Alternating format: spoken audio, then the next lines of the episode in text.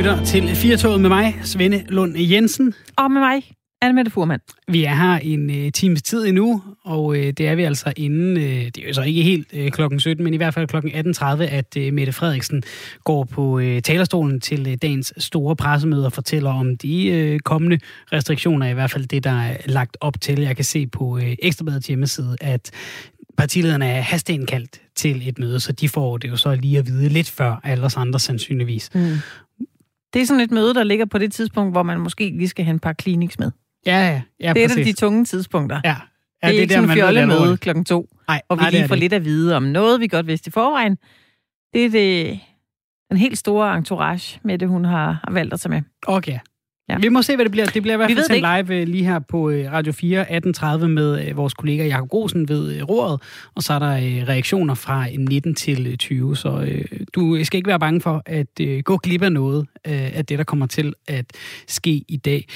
Vi er i gang med ugens sidste program her i Firtoget. Vi skal tale om en særlig fødselsdag. Det skal vi.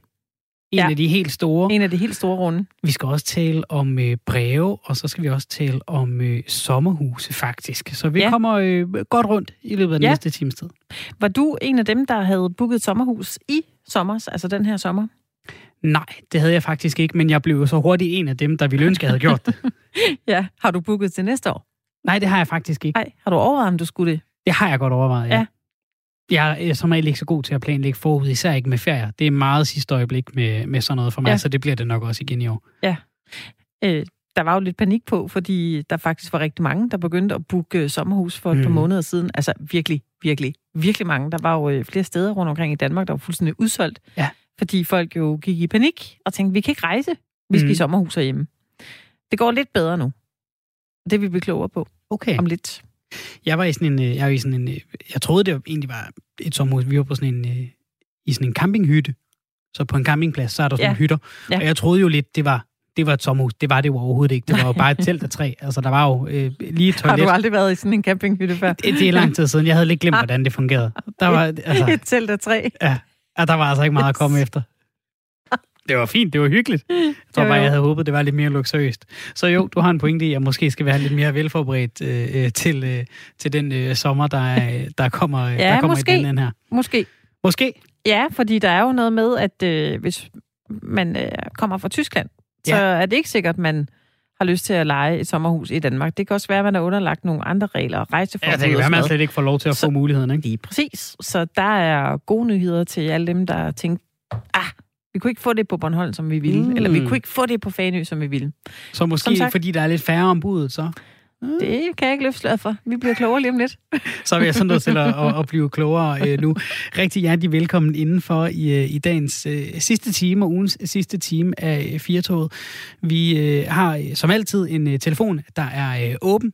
Det er 72 30 44 44. Du kan også sende en øh, uh, sms på 1424. Du skriver R4, så et uh, mellemrum, og så din besked. Rigtig hjertelig velkommen til. Og vi har jo tidligere her i øh, Firtoget talt om øh, de danske sommerhusudlejere, som øh, oplevede en øh, massiv efterspørgsel, da det gik op for os danskere, at øh, coronakrisen formentlig vil få indflydelse på vores øh, rejseplaner ind i næste år også.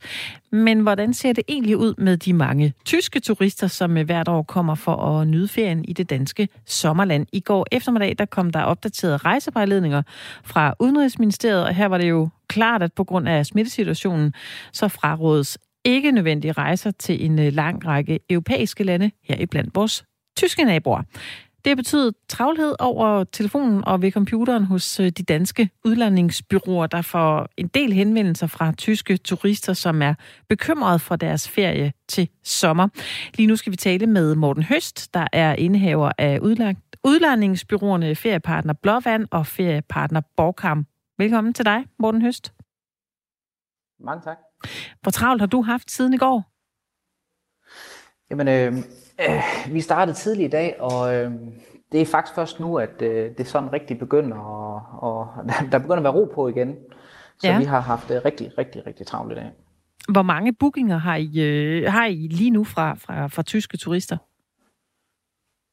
Jamen altså, hvis vi skal sige øh, lige her de næste par uger frem, hvis vi tager jul og nytår med, så for øh, Blåvands vedkommende, så er det lige omkring 100 bookinger, og for Borg Havn, så er det lige omkring, øh, ja, det ligger lige omkring de 150 bookinger. Mm.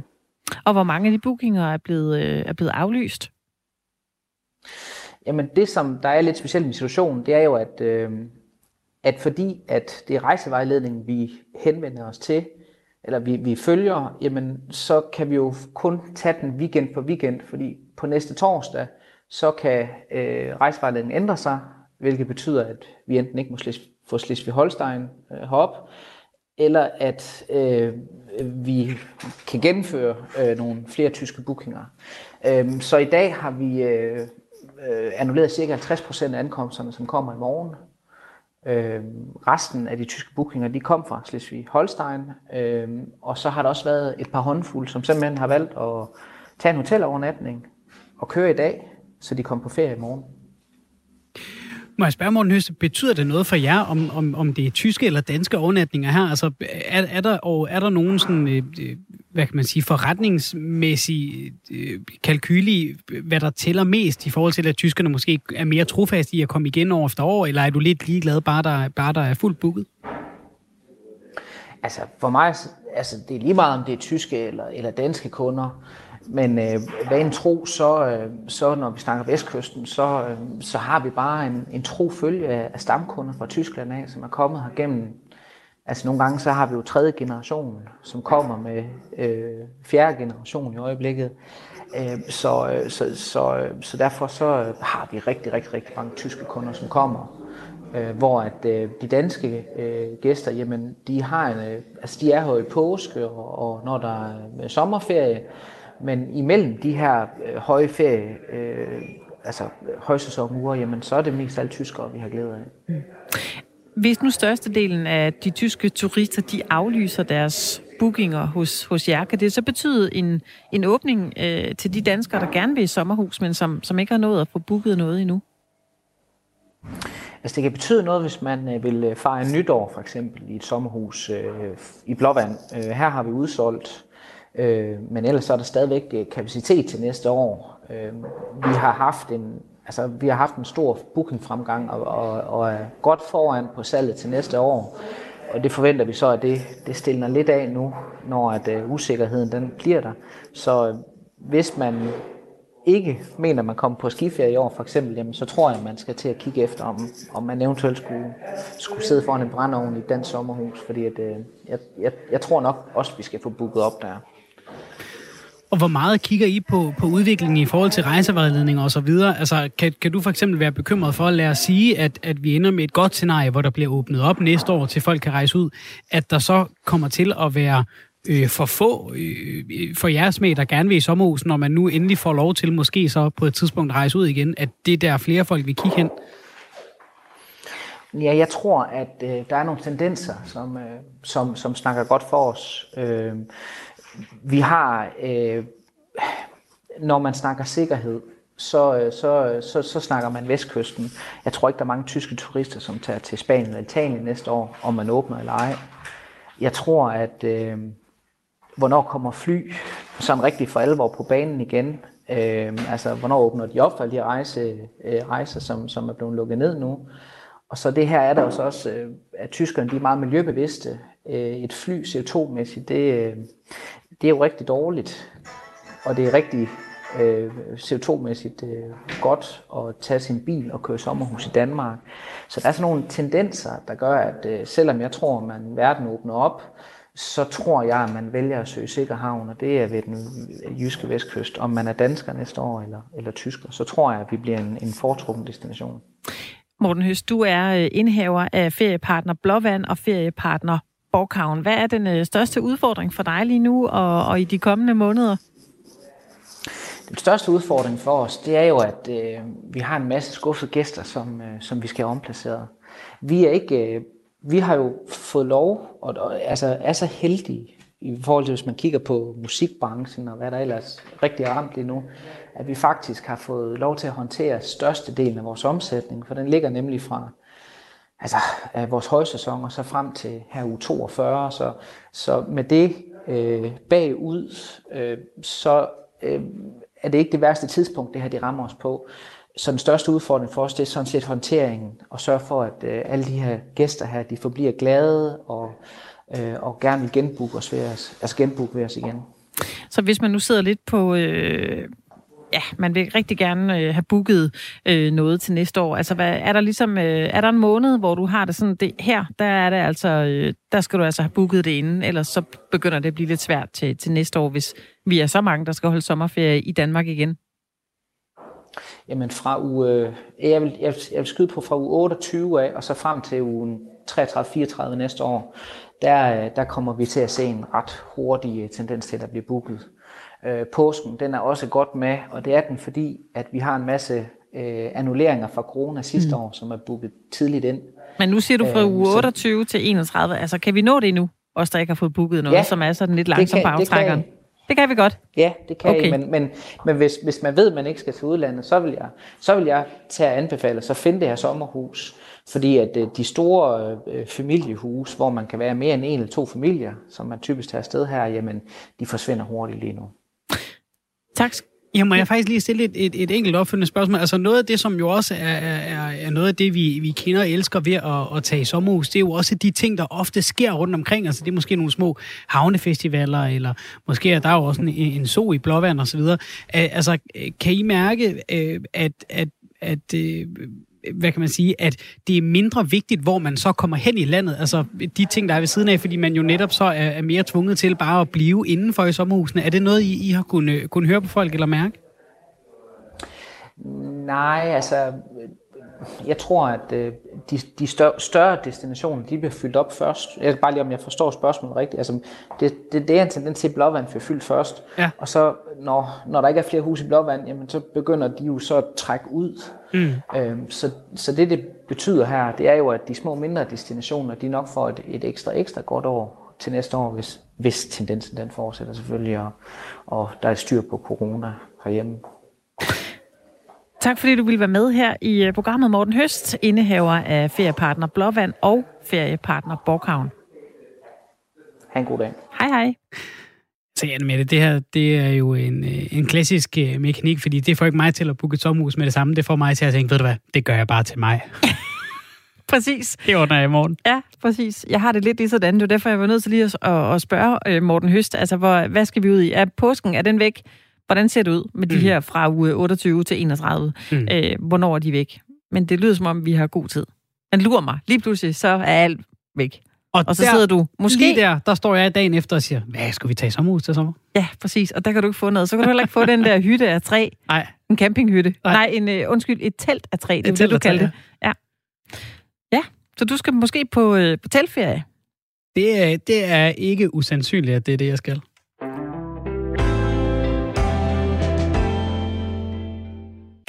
Vi kan forstå på øh, vores øh, producer Toge, at øh, Mette Frederiksen har skrevet noget på Facebook, og det er jo ud over pressemødet, sådan vi får de store nyheder her i Danmark for tiden. Ja. Det er via, via Mette Frederiksen Facebook, hvor hun jo ofte lige lader en, en melding falde om det ene eller det andet. Og det handler altså om de her nye restriktioner, som hun fortæller mere om til pressemødet i dag 18.30, men hun har altså åbenbart lige teaset lidt på, på Facebook. Jeg følger hun, hende.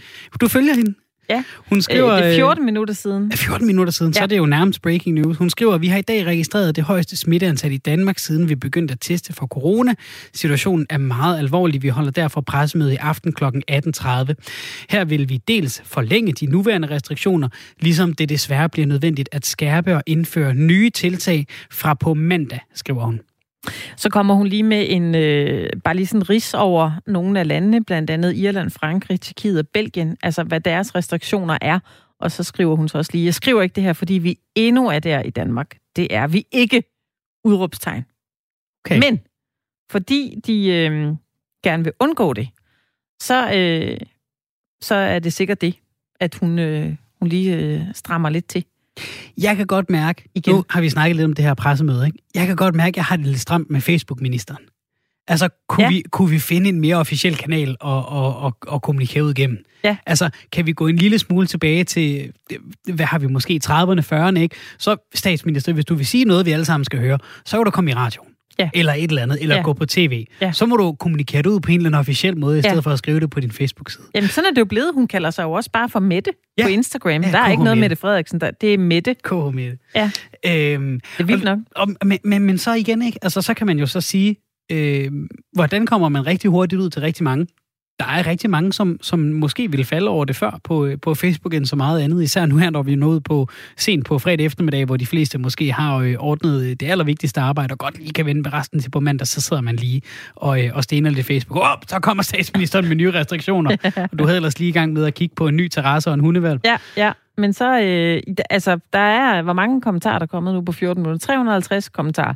Og folk, Vi- de begynder at spørge os jo. Ja, ja, naturligvis, som om hun svarer. det er det, der er så lidt sjovt. Der er nogle pædagoger her. Vi knokler for at få det. Skal vi så ikke? ja, det var da meget Velkommen godt. til pressemødet 18.30. Vi udskyder pressemødet i 73 timer, fordi Mette Frederiksen nu øh, er ved at svare hver enkelt Facebook-spørgsmål inde på sin Facebook-side.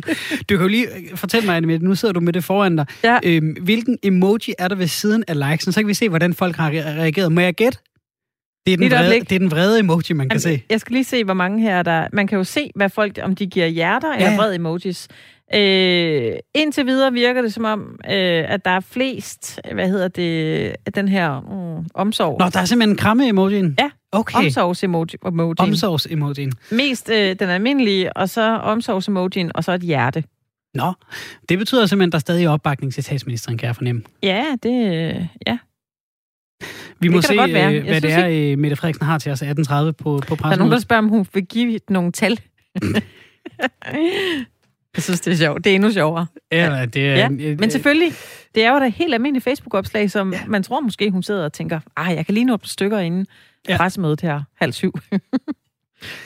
Vi øh, bliver forhåbentlig meget, meget øh, klogere, øh, når vi når på den anden side af 18.30. Rigtig øh, hjertelig velkommen øh, indenfor i den her sidste time af, øh, af ugens øh, 4. Husk, du kan ringe til os på øh, 72 30 44 44, eller skrive til os på øh, 14 24. Du skriver R4, så et mellemrum, og så din besked. Det er, som Mette Frederiksen, ikke nok at skrive det på din Facebook-side. Det opdager vi ikke. Hvis du vil øh, ind og øh, blande dig i det, vi taler om i øh, programmet, så, øh, så skal du altså lige i gang ved, øh, ved tasterne. I dag, der øh, fylder Edson Arantes do Nascimento 80 år. Ved du, hvem det er? Det ville jeg jo ikke ane, hvem det var. Nej, det er en brasiliansk fodboldspiller. De har altid nogle lange navne, og så finder vi en eller anden smart forkortelse, for ja. Eksempel øh, Ronaldo eller Neymar. De hedder jo en del mere end det. Og øh, Edson, det er altså ham, vi bedre kender som Pelé. Ja, ham Han, kan jeg øh, godt huske ham kan du fra godt min huske. barndom, fordi da vi, altså da drengene i skolegården spillede øh, fodbold, Ja, så øh, hvis de lavede noget fedt og noget mm. sejt, som skulle være endnu sejere end Laudrup, ja. så sagde de, nu er jeg lige Pelé. Okay, og hvor er vi henne øh, årsmæssigt her? 1957. Nej, vi er, jo, vi er jo nede i 80'erne. Vi er nede i 80'erne. Ja. Og det er jo øh, fordi, noget at... 85. Øh, sådan noget 85, Ja, sådan noget. 5. Ja. klasse. Og der er vi jo sådan lige i gode 10 år efter, at Pelé han er, er stoppet med at spille fodbold, men han har jo så stadig levet øh, i, i stærkt i, i Ja. hukommelsen. Ja. Øh, han anses ofte af mange som, øh, som verdens bedste fodboldspil gennem øh, tiden. Øh, man har i lang tid diskuteret, var det ham, var det Maradona og så videre. Men, men han står uomtvisteligt som, som en af de aller, allerbedste, vi har haft. Han øh, scorede officielt 757 mål i 812 kampe, men lavede altså, hvis man tæller de uofficielle venskabskampe og opvisningskampe med, over 1000 mål i karrieren, og så blev han altså også verdensmester med Brasilien tre gange. Velkommen til dig, øh, Andreas Val Knudsen. Du er Brasilien-entusiast, og så er du medindhaver af podcasten Brasserbold, der udelukkende beskæftiger sig med brasiliansk fodbold. Jo, tak fordi jeg, jeg, jeg må med. Og det øh, kan du tro, jeg er øh, stor entusiast, af hvad Brasilien angår, og især brasiliansk fodbold. Det er der, min passion ligger sammen med min øh, makker i podcasten Pressebold, Peter Arnholdt. Han bor i Brasilien, og jeg bor i Danmark. Så kan vi holde trådene sådan øh, godt kørende, når man kan se brasiliansk fodbold fra, fra to sider, både den danske og europæiske, og så den brasilianske, hvor han befinder sig. Så det, øh, det kan ikke blive bedre, at sådan en mand som Palais i dag har fødselsdag i 80 år. Det er jo stort. Nu sagde du lige Pala. Er det forkert at Ja. kalde ham Pelé? Nej, det er det sådan set ikke. Men øh, i Brasilien der udtaler man jo tingene på, på portugisisk, og i navn Palais, så er der også en trykstreg til sidst. Så her, dernede, der hedder han Palais, og mange folk kalder ham Hey Palais, altså kongen Palais. Men øh, jeg synes ikke, det er forkert at sige, at han hedder Pelé, fordi hvis man tager til Brasilien og snakker om øh, for eksempel Michael Laudrup, så hedder Michael Laudrup ikke Michael Laudrup, men han hedder Michael Laudrupi. Så det er jo bare, hvor man udtaler det henne. Må vi høre, hvad betyder øh, sådan en som Pelé Palá i, i Brasilien, hvis du kan sætte nogle ord på det? Vi har jo ikke øh, øh, mange timer. Jeg kunne gætte på, at, at man kunne gøre det svar rigtig langt, hvis vi skal gøre det sådan medium kort. Hvor meget betyder han så i Brasilien? Han betyder rigtig, rigtig meget, altså for fodbolden, vil jeg mærke. Han er den, der har defineret, været med til at definere fodbolden for Brasilien øh, igennem, igennem tiden. Og man skal også huske på, at han er en øh, person, han er jo formidabel fodboldspiller, det skal vi jo også huske. Men han kom jo frem, da tv og billeder begyndte at komme frem, for der fandtes mange, der fandtes jo mange i Brasilien før Pala, men der har man jo ikke ret meget film eller tv, der har man kun ny øh, avisnotits om dem. Men han kom jo frem, hvor man kunne se ham på skærmen og se det der brasilianske landshold, der tog noget frem. Først nogle klip fra 1958, så var de måske ikke igen i 62, men det hele det kulminerede der i 1970, hvor man fik lov til at se fodbold i hele verden på én gang, og så endda i farver fra Mexico. Det var ligesom det, der var sådan øh, defineret det hele der for, for Palau, og så eksploderede det, når man så de der brasilianere, der kom ind i det smukke spil, den gule trøje, de blå bukser, og så den her øh, lille sorte mand, der bare kunne alt med en bold mange fokuserer rent faktisk på de der mål, han har scoret, men, men hvis man bare kigger på det, hans spille, evner på banen, så også er det opbygningsspil og det visionære, han havde dengang, det er altså øh, virkelig, virkelig uden sidestykke. Og det er det, man i dag måske også ser hos spillere som, som Messi, det der kæmpe overblik, man har, og det havde, øh, det havde, det havde Pala. Og alle hylder ham i Brasilien. Det er ingen er for, øh, for store til, eller for små til at hylde ham, eller for store til at hylde ham. I dag, en, øh, et godt eksempel, det er Romario kommer ud og siger, Pala, du er min store idol du er verdens bedste, tillykke med fødselsdagen. Og når en som Romario går ud og gør det, og Zico går ud og gør det, øh, Neymar for det så skyld, og så hvad hedder det, Ronaldo, så fænomenet også går ud og siger tillykke, så må der jo være noget om det, at det er en selv, vores idoler, jeg skal sige, jeg er fra 75, så jeg har jo ikke oplevet VM 170 øh, live, men når mine idoler siger, at Pala er deres store idol, så må der være noget om snakken. Mm. Andreas, hvad er dit øh, eget personlige forhold til Pala?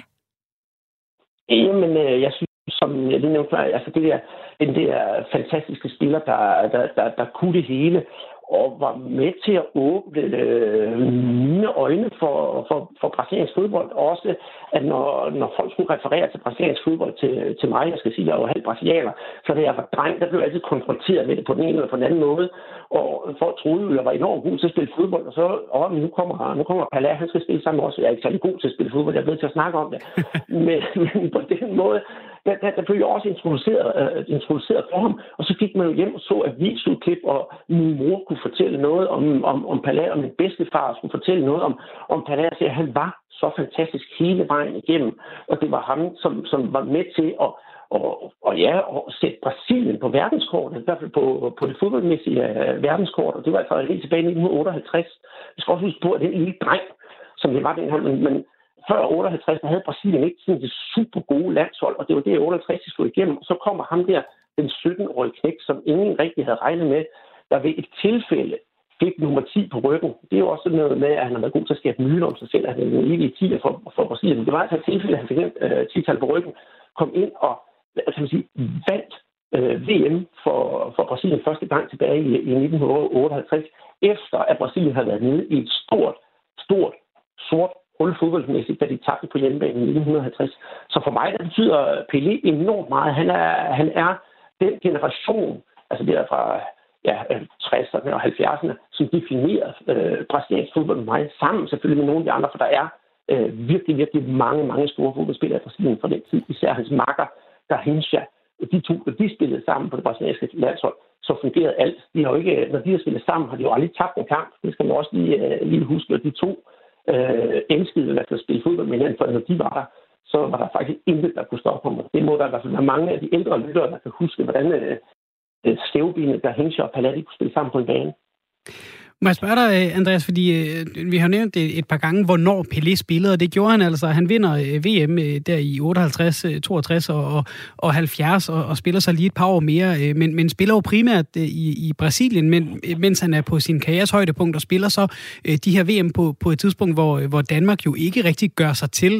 DR har et, et interview i dag med Sepp Piontek, der, der spillede mod ham tilbage for, for Vesttyskland for, for mange år siden. Men, men der er jo ikke mange danskere, der har haft mulighed for at, at krydse klinger med, med Pelé på fodbanen. Du kender nogen, der har været så heldige at dele banen med ham? Det kan du tro, jeg kender faktisk øh, uh, to af slagsen. Og der skal vi altså uh, sige, at det er tilbage i 1979, hvor øh, uh, Pelé han skulle spille en uh, sådan en opvisningskamp for, for Flamingo. Og han var på banen, der var han øh, makker med, med Zico, og så vidt jeg husker, så var det der Zico, der spillede med nummer 10, gav sin trøje til Palas, og Palas han kunne spille med det der 10 så kan man se, hvor stor han var. Og selvom det bare var en venskabskamp, så var der problemer med de der Flamingo-spillere og øh, spillerne fra det modsatte hold. Der var ikke nogen af dem, der ville gå fra banen, fordi vi jo alle sammen gerne spille med Palatter, der komme tilbage for at spille med kamp fra, fra New York Cosmos. Mm. Og en af dem, jeg kender, han hedder, at Billy var kæmpe, kæmpe stor spiller hos, øh, hos Flamingo.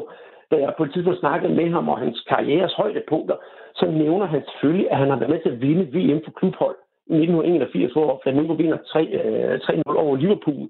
Og så nævner han samtidig med os, ja, så var der dengang i 1979, hvor jeg fik lov til at spille samtlige 90 minutter på banen med, med, med Pala.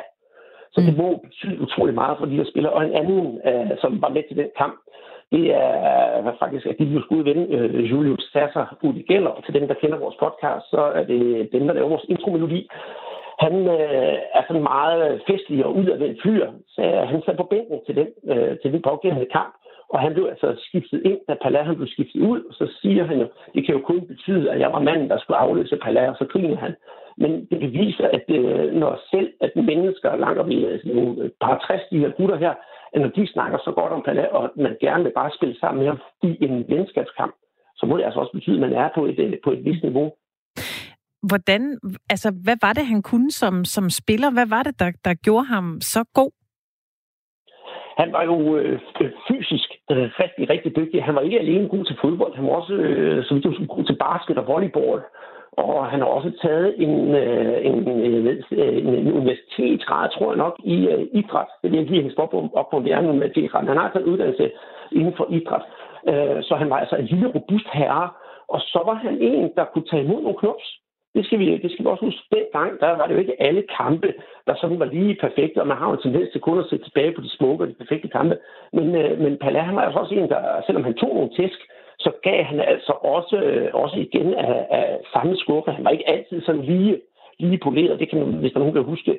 Øh, og jeg kan finde nogle klip på, på nettet med en kamp mellem øh, Brasilien og Portugal tilbage ved VM i 66, det var en af de kampe, hvor man siger, at det er altså ikke de Brasilien, man godt kan lide at se spille. Og det tror jeg også har været med til at gøre Pelé til øh, en komplet spiller. Det der med, at, at han var en robuste type, som kunne tage mange slag, og så også kunne vende sig til, at uh, skulle være den, skulle, skulle dele nogen ud. Og det gav jo også respekt blandt de andre spillere. Og så kunne han faktisk også spille alle placerer, eller alle steder på banen. Selvom han måske spillede mest uh, fra midten og efter, så var han så også efter sin en, en rigtig, rigtig dygtig målmand. Okay. Må jeg høre, Andreas øh, Pelé, han spiller jo hele karrieren i, i Santos stort set. Han har lige et par år i New York i, i karrierens efterår, som, øh, som spiller jo stadig gør i dag, når, når, de, har, øh, når de har brugt deres ja. bedste år på, på banerne i Europa, så de også vil prøve at bo i, i USA et par år med familien. Hvorfor tog Pelé aldrig turen til Barcelona eller øh, Juventus eller en, en af de store klubber i, i Europa?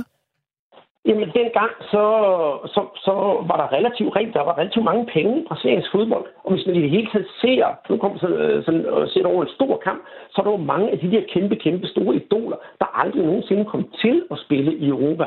Og, og, og Palas selv øh, siger jo også, at øh, jeg er Santos mand og, jeg, og, og, og mit hjerte tilhører, tilhører Santos. Og jeg tror også, der er måske noget familiemæssigt været, været indover. Der har jo godt nogle rygter om, at han, han, han var blevet tilbudt kontrakt andre steder. Men han blev altså, blev altså i Santos, ligesom mange af hans, øh, hans kolleger i de, de andre klubber. Og det er jo også noget, der er med til at gøre ham til den der legende. Altså til, til, til New York Cosmos, det er, jo, det er jo nok noget med, at der er nogen, der har betalt ordentligt beløb for at se ham i sit, sit efterår. Mm. For udover at Pala, han er den Øh, øh, store spillere, han er og sådan noget, så har han jo også været en mand, der har været god til at mm, de fleste, steder, de fleste gange i hvert fald være de rigtige steder på de rigtige tidspunkter. Så er han sammen med Robert Redford, så er han sammen med Andy Warhol, og så er det den ene, eller den anden, eller tredje. Så han har mingeleret sig med de rige og med de dyre, og på den måde, så har han jo også kravlet sig op af den der sociale, øh, sociale rangliste, så han er endt helt i top. Og nu her, selvom han er 80, så har han inden for de sidste år været med til at kommentere et par fodboldkampe i Brasilien. Og han er altså sådan, at Pala, han sidder i en stor trone, og så sidder han sådan stille og roligt og kommenterer fodboldkampen med den kommentator, han nu er, han nu er sammen med. Så han har selv, selv har været med til at sætte sig op på den der øh, pedestal, og brasilianerne har sørget også været med til at løfte ham op på den pedestal, fordi han er altså en, øh, en, en helt speciel karakter. Og øh, det er jo ofte en, en diskussion, der følger med Pelé, og du må undskylde, hvis, øh, hvis øh, man kan sige, det er på et fordummende niveau for, for, for, for Pelé. Men jeg spørger alligevel, øh, man snakker tit om, var han den bedste nogensinde? Var det Maradona? Er, er det nu Messi, Cristiano? Hvor skal man lægge snittet henne? Giver den diskussion overhovedet mening for sådan en som dig? Nej, egentlig ikke, fordi jeg synes, at, at, at de har været store på hver deres, på, på hver deres måder. Man kan måske så sige, øh, at han har været den største inden for sin tid, og så kommer måske Maradona afløser. Men den der med at sige, at han er størst i forhold til, til Messi eller Ronaldo, eller hvad det er, jeg synes, det er sådan lidt at sammenligne en pære bananer. Altså, altså, det er jo noget der, noget, der aldrig stopper. Men en ting, vi kan sige i hvert fald, det er, at i Brasilien, der bliver alle mål, alle, alle fodboldspillere, de bliver mål og veje med, med, med, med Bala. Og det gjorde så altså, til, til Kelle, altså, med, med, med Ronaldo og Neymar øh, kommer jo også fra Santos. Er det den nye, er det den nye øh, Pala, der kommer her? Eller Hubino, er det den nye Pala? Og selv Zico, han blev til tidernes morgenkaldt for den hvide Pala.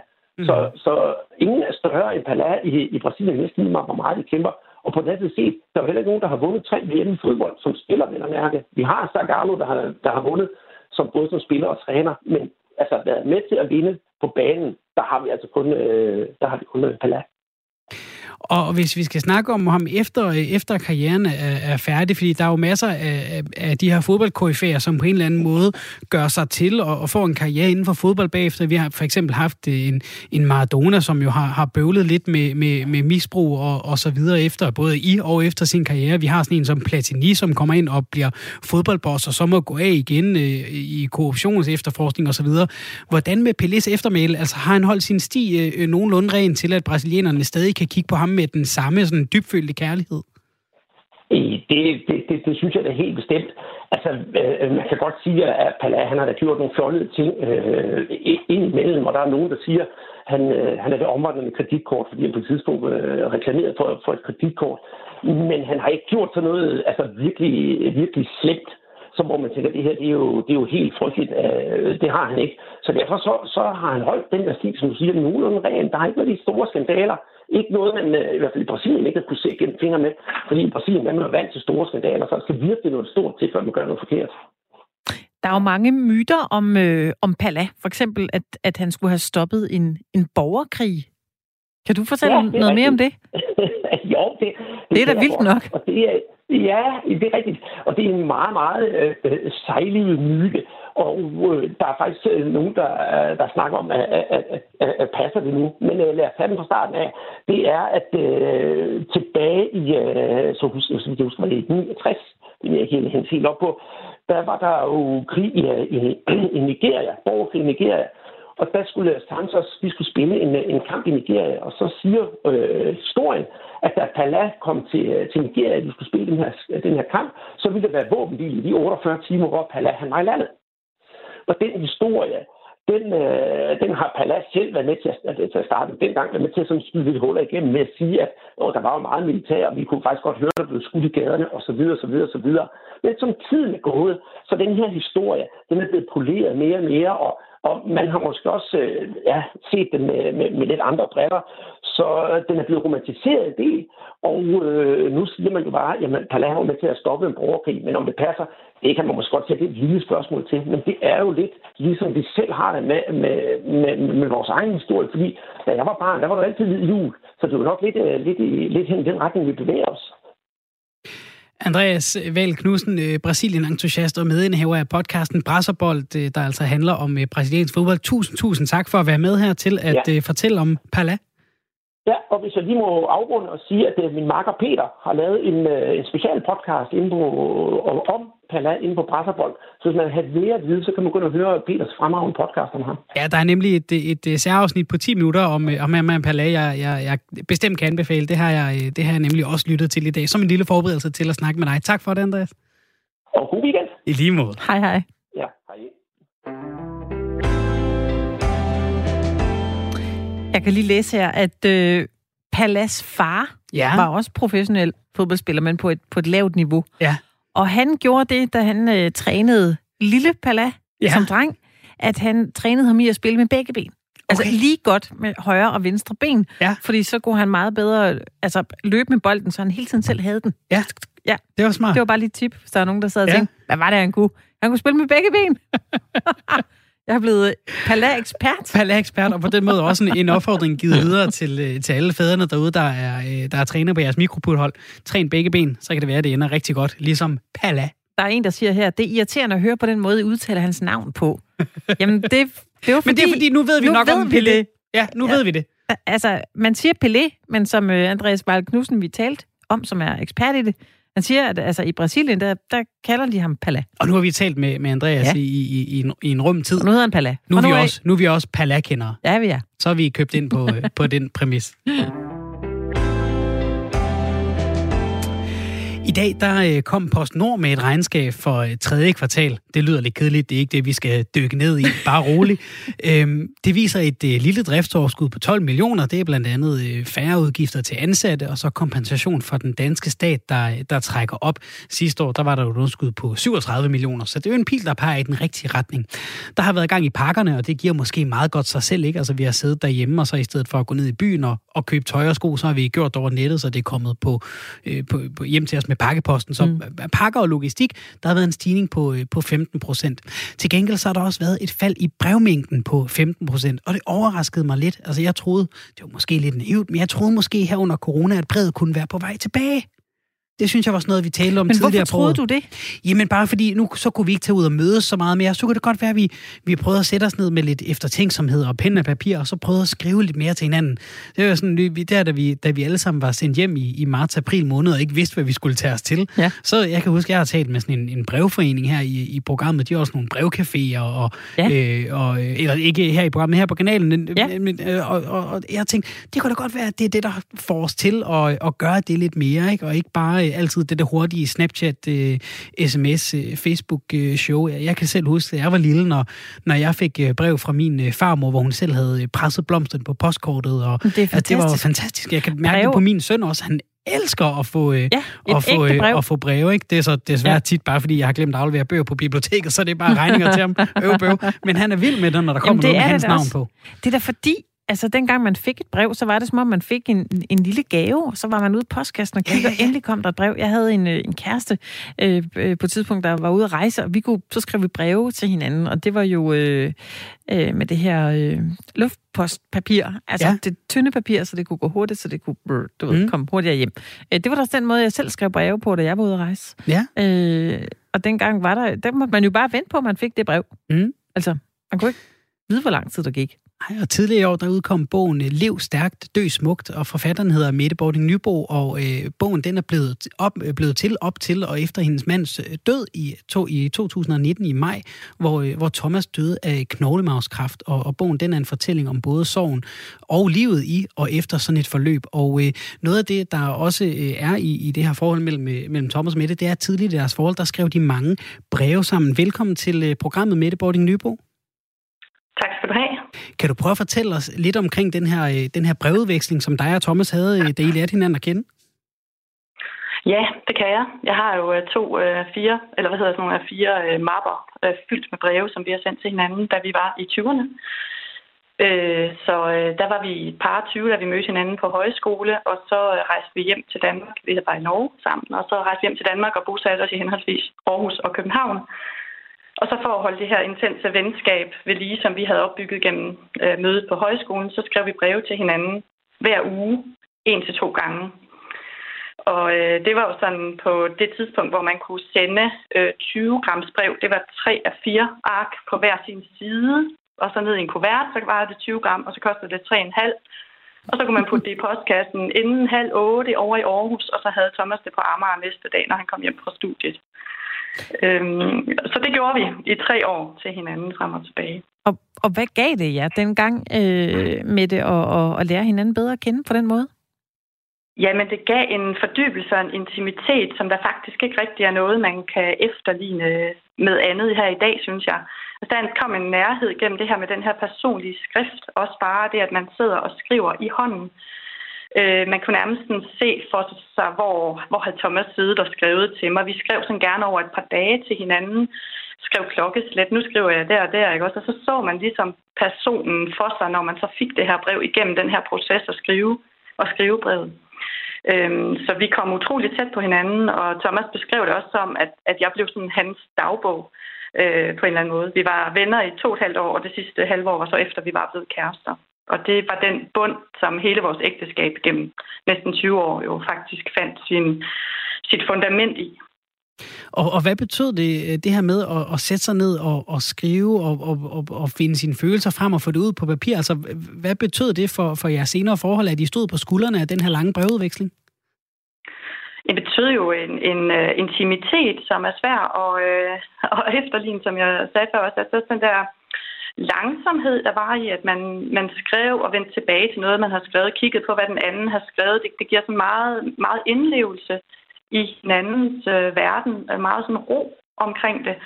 Og, øhm, og så kan man tænke på det, man har skrevet, og det, den anden har skrevet, kommentere på det, og sådan, i sådan i ro, ikke? Og så man kan også korrigere nogle flygtige følelser. For eksempel, så kunne man skrive noget, når man havde været i byen og kom hjem, og så skrive, øh, jeg har det sådan og sådan og sådan, ikke? Og så dagen efter, så kunne man sådan korrigere det lidt, gå lidt tilbage i det. Så på den måde, så kom vi meget ind i sådan, ja, følelsers flygtighed, kan man også sige. Eller sådan, altså forståelsen for, hvor, hvor meget bevægelse der egentlig er i et menneskesind i løbet af, af den tid, det tager at, at skrive et brev, som man giver god tid. Og det kan jo være, være svært at sammenligne med et hypotetisk eksempel, men lad os sige, at I havde ringet sammen i stedet, eller skrevet over Messenger eller Snapchat, altså lidt hurtigere, måske lidt mere flygtige kommunikationsformer. Hvad, hvad gav den her brevskrivning til, til jeres kommunikation og følelser? Jamen, vi ringede faktisk også sammen nogle gange. Det var sjældent, for det var dyrt. Det var, vi var studerende, så 3,5 for et frimærke, det var billigere. men, øhm, men, men jeg kan give et eksempel på, at vi for eksempel var på skiferie en gang, da vi stadigvæk var venner. Øh, det var vi et par gange, hvor vi så var en flok. Og det var ikke, fordi Thomas og jeg ikke var sammen, og vi snakkede også sammen. Og sådan, men vi sagde begge to til hinanden samstemmende, jeg savner at skrive breve øh, til hinanden, fordi vi med det samme kunne mærke den afstand, der kom ind i den der overfladiskhed og den der flygtighed. Altså, vi var simpelthen ikke lige så tæt på hinandens kerner øh, i det der øh, hurtige, mm. som vi var, når vi fordybede os. Hvad så med, øh, med i dag? Øh, skriver du stadig breve med det? Øh, nej, jeg skriver faktisk meget sjældent fysiske breve. Jeg skrev til min øh, veninde på 80 år her i øh, coronatiden. Der skrev jeg et, et langt brev i fødselsdagsgave til hende faktisk. Øhm, og, og det blev hun rigtig glad for. Men... det var sådan en personlig ting. Mm. Men jeg, jeg, jeg, kom, jeg har også skrevet rigtig mange breve, og jeg, jeg kom sådan til at tænke på det her med, når man så skal til at skrive et brev igen. Altså, hvordan var det så for dig at skulle sætte dig ned og forfatte det her brev? Fordi det er jo anderledes end at lige fyre en sms af med masser af emojis. Jamen, jeg synes, man gør sig lidt mere umage. Altså, alene det at skrive i hånden er jo så sjældent, man, man gør sådan ordentligt. Så det der med også at lige altså, tænke på, hvordan det ser ud i skriften, ikke? Og øhm, måske tænker man lidt mere over ordvalget, fordi man skriver ikke så hurtigt, så man sidder lidt og tænker, hvad er det egentlig, jeg vil skrive i det her brev, ikke? Mm. Sådan, hvor, hvor der er vi nok lidt hurtige på, på aftrækkerne. Synes du, vi skal have brevene tilbage? Jeg har i mange år tænkt, at jeg burde simpelthen få en, øh, en penneven igen. Jeg havde rigtig mange pennevenner, da jeg var ung. Ja øh, en, som, som man kunne udveksle tanker om, hvad der sker i verden, og hvad der sker i ens liv og sådan noget øh, med. Ikke? Men, jeg vil gerne være din penneven med det. Ej, det må vi finde ud af, så. ja. tror, du, tror du, Mette, hvis man nu lytter til, til din fortælling om, om, om dit og Thomas' forhold, netop det her med, at du siger altså, at, at, at jeres brevskrivning, det bliver, det bliver kernen af det, som jeres ægteskab bygger på. Hvis man nu går derude og, og er midt i et forhold, hvor man netop ikke har bygget op på brev og tænker, gud nej, det vil jeg også have, det lyder skønt. Har du så et godt tip til, hvordan man måske kunne, kunne komme i gang med, måske at skrive lidt sammen og lære hinanden at kende på den måde, selvom man måske i forvejen sidder i, i et uh, samtalekøkken, og, og der er dagligt rum rum i? Ja, altså vi vendte faktisk lidt tilbage til den gang imellem i løbet af vores ægteskab, fordi vi savnede det, da vi fik børn og hverdag og sådan noget, Thomas og jeg. Så, så, øh, så, så blev det sådan lidt i særlige anledninger, vi gjorde det, altså fødselsdag eller vores bryllupsdag, eller hvis en af os var ude at rejse, at så skrev vi et brev til hinanden. Øhm, og faktisk skrev brev, Thomas jo også breve til os, mens han var syg, da han så øh, skulle dø. Så vi har øh, breve, altså jeg har et afskedsbrev fra ham, og, og han har skrevet brev til vores tre søn, breve til vores tre sønner. De bliver så ikke sendt med posten, men, men, øh, men de ligger der, og på en eller anden måde, så kan de også transcendere tid og rum, ikke? Også, at man kan sådan ligesom blive, blive bragt lidt tilbage til den afsendersituation, der er. Sådan mm. har jeg det også, når jeg læser vores gamle brev, fra vi var unge. Ikke? Så det er jo virkelig noget, hvor man kan forbinde sig med sig selv på tværs af tid og rum i noget sådan mere fordybende. Mette, hvordan var det for, øh, for børnene så at, at modtage det, øh, det her øh, håndskrevne brev? Øh, nu må jeg desværre sige, at Thomas han magtede ikke at skrive i hånden, så de er altså skrevet på computer. Det er helt okay. Det, det var, det var i hvert fald ikke en sms. det er i hvert fald øh, det er fordybelse. Han, man, man ser sådan situationen for sig, hvordan han ligger på sygehuset og indlagt og er væk fra os som familie og ligger der og forestiller sig sine børn blive to år, tre år, fire år ældre. Øhm, og det er de rigtig glade for. Og det er jo virkelig en måde, hvor man kan, kan forbinde sig med ham i den fordybelsesstund og den langsomhed, der har været i at ligge og, og forestille sig, at man selv er død, og at ens børn lever videre og bliver ældre. Mm. Og nu er det jo så... så Jamen, det kan vi jo øh, kun, øh, kun forestille os med. Det, det, nu er det jo så kun halvandet år siden, at, at, at Thomas så dør. Er det her nogle breve, som, som dig og, og jeres øh, børn så vil kunne tage frem øh, altså om 5 år, om 10 år, om 20 år, når, når, når jeres børn selv får børn? Altså har de, har de den der længde, den der levetid i så også, tror du? Okay, okay. Og det har Thomas og mine også fra da vi var unge. Altså, de skal også gå videre, øh, tænker jeg. Som sådan, hvis der er nogen, der får lyst til at, at lære os som unge og kende i vores familie, så skal de da have lov til at læse sig tilbage. Jeg tænker, det kan blive rigtig værdifuldt for drengene, når de, når de selv kommer op midt i 20'erne, øh, at de kan læse, med, læse, hvordan deres far var, og forbinde sig med, med den unge, skøre fyr, som han var på det tidspunkt. Mm. Tak fordi du ville være med her, øh, Mette Bording Nybo, forfatter til bogen ja. Øh, Lev stærk, dø smukt. Jeg håber, vi bliver pæne venner med det. Ej, det kunne være dejligt. tak. tak for det. Hej, hej. hej. Og det var altså en, øh, en, en fin snak om, om, om brevets evner. Altså, at ja. det ikke bare lige er, øh, er åh, hurtigt i postkassen, men det er noget, der faktisk kan, kan lære sig i, i, i, i mennesket og i forhold. Hun havde en god øh, pointe, i hvert fald i, når man skriver et brev, så skriver man det måske i hånden, mm. måske på computeren, men, men det der med, når man, i hvert fald når man skriver det i hånden, så man skal lige tage sig tid til at tænke over, hvad er det egentlig, jeg vil skrive her? Fordi man kan jo ikke ja. bare slette det hele igen og lige putte en smiley på, og så sende den, og så sende en igen. Nej. Øh, det kan noget, synes jeg. Det, det, det kan virkelig noget. Også det der med, at, at, at, at, at, at Øh, som man siger, de ligger i en, i en A4-mappe, eller to faktisk, ikke? Mm. Altså det med, man kan gå tilbage på dem. Altså de sms'er, jeg har skrevet med, med folk for et par måneder siden, de ligger jo langt begravet, hvis ikke de er blevet slettet ja. allerede på, på min telefon, ikke? Ja, man burde øhm, egentlig printe dem ud på en eller anden måde. Ja, jeg det synes, det her måske. med, at øh, jeg har da gemt masser af mine gamle breve, også fra folkeskolen, i, en, i nogle kasser, og nogle gange så tager jeg de der kasser frem, og, øh, og kan sidde en hel dag, altså, og huske de der brevudvekslinger, øh, jeg har haft, der... Øh, altså, det er jo helt vildt, hvad, hvad man kan få ud af faktisk at, at læse dem igen. Alle de tanker. Og der er jo ligesom to ben i, i, i den snak, vi har med, med Mette Bording Nybo. Øh, altså både det der brevet til daglig, eller, eller til, ja, ja, brevet til daglig, det var jo noget, de, de gjorde ofte, hende og, og Thomas, da de, mm. da de er, er venner, og så senere også øh, finder sammen som kærester, men bor hver for sig. Øh, kontakten på den måde, hvor der er måske lidt mere eftertænksomhed i det, man skriver til hinanden, men netop også det der med øh, brevet i yderpunkterne af livet, ikke? Altså, hun jo. fortæller, hende, hendes mand øh, Thomas ligger øh, for døden med, med knoglemavskræft tilbage i, i 2019. Altså det der med at have skrevet et brev til børnene, have skrevet et brev til hende, det tror jeg er en enorm værdifuld ting at kunne give videre. Så, øh, så øh, det er jo så noget andet end det postede brev, men i hvert fald en, en, en varm anbefaling, lyder det mm. til. Øh, det der med at sætte sig ned, når man får chancen, øh, og forfatte noget til, til dem, man har nær, øh, ja. og lade nogle tanker blive i, i fysisk ja. form. Ja, jeg synes, vi skal have brevet tilbage. Jeg stemmer for det. Flere pennevenner. Flere pennevenner. Vi er så småt ved at øh, nå en øh, afrunding på, øh, på dagens program, og rigtig mange kigger nok måske med lidt nervøse øjne frem mod kl. 18.30, fordi det er altså der, at Mette Frederiksen går på talerstolen med sandsynligvis det helt tunge hold af ministre og sundhedspersoner med sig.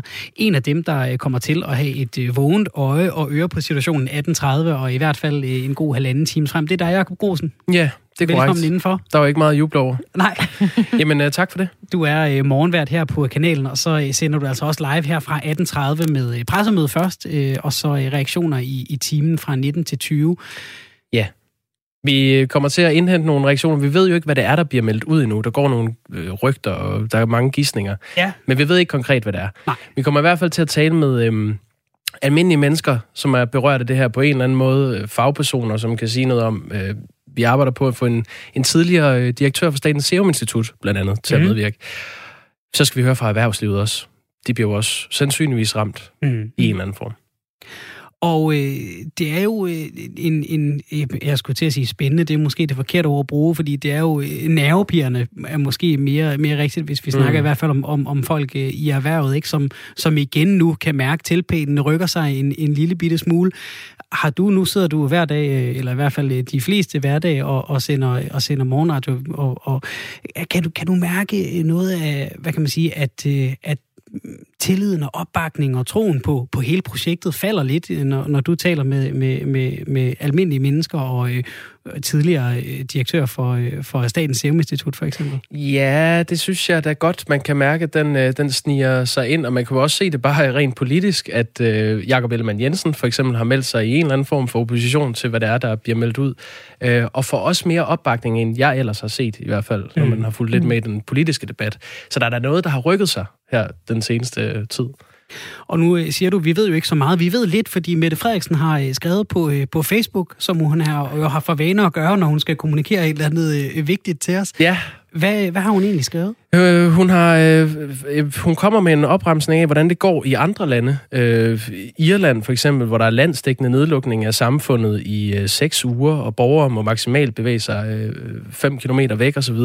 Øh, hun kommer også med nogle eksempler fra Frankrig og Tjekkiet, øh, Belgien. Og jeg tror, hun gør det for at vise alvoren af, hvad der er, der foregår rundt om i Europa lige nu. Så skriver hun så, at det er ikke der, vi er i mm. Danmark, men der kommer nogle tiltag, Øh, de kommer til at forlænge de nuværende restriktioner, og så indfører de også nye tiltag fra mandag. Mm. Så det er den klassiske med at sige, det er ikke så slemt, som det kunne være. Så lige for måske at tage toppen af pessimismen hos, hos os alle sammen, sådan, så at det, hun så siger her om lidt, det måske ikke kommer til at virke så slemt. Det er jo en klassisk, uh, klassisk greb, ikke? Kom med en rigtig dårlig nyhed, og så bagefter liste den egentlig dårlig nyhed ind.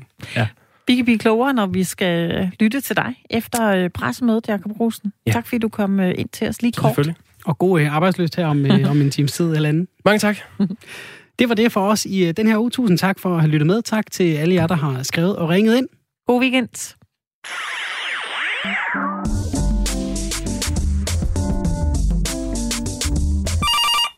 Radio 4 Lytterservice. Du taler med Esben. Skov Ep, Skov Ep er 1355. Ja. Hvad her det nu? Et glade dejlige jul, ikke også? Nu skal vi til et. For satan, det er Steffen, det har vi ventet på. Hvad, hvad her er det, det? Vi venter jo næsten et helt år. Det er, nej, man venter, nej, ja, et år. Der går et år mellem jul, men det går ikke et år mellem, vi har for, øh, hvad her det, julepynt. Det er jo fandme, det skal stå, hvordan er det er hen til mellem påske og køndelmissen. Hvor langt er det, det står hvad her, der synger de i sangen, det skal være lige til påske, ikke også? Ja. Men så har vi påske, så kommer, det kan jeg også godt lide, ja. med græskarne, ikke også? Hvor de, har, hvor de skærer ud og udhule gamle. Ja, ja. Jeg har lavet til, vi lavede jo råløtter. Og så, men nu har vi fået de græskar kommet hertil. Ja. Og det er fandme nemme, det ligger jo nu. Ikke også? Det er jo her. Ja. Vi skulle have julepynten skruet op nu her, så vi, det er går ro i med det. Jeg er rej for, at vi ikke når. Vi når sgu ikke det hele, hvis vi skal til at have dem her i øh, Halloween med græskarne også. Kunne vi så, hvornår får vi så julepynten op? Ikke Så Det skulle jo fandme nemme være nu ude i butikkerne. Ja. Men det hele, det er som om, det er, nu kommer det med de skeletter og sl- øh, slikskål og, og, og græskerhoved og, og fa- falsk blod, og jeg ved ikke hvad. Esben, prøv lige at lave noget på det på nyhæren. Men hvis de kunne køre julen hen til den fortsat godt ind i januar, det er jo folk kan ikke nå at blive træt af det, vel? Det går så stærkt med det hele tiden, så er det det ene sådan. Vi når jo fandme ikke at have... Altså, Steffen, vi kan fandme ikke nå det hele længere, vel? Nej, nej. Vi skulle have flere måneder. Ja. Ikke? Og ellers så bare... Ja, det ved jeg sgu ikke. Jeg, jeg bliver fandme helt træt. Altså, det, vi når ikke alt det, vi skal nå, Steffen. Det, I verden render forbi os. Ikke også? Mens vi, øh, mens vi ser på. Jo. Det går, det går forbi rendezvous, som man siger. Ja. Jeg går hen lige og tager en lur. Ja, gør det. Gør, gør det. Ikke? Jo. Har, Ja.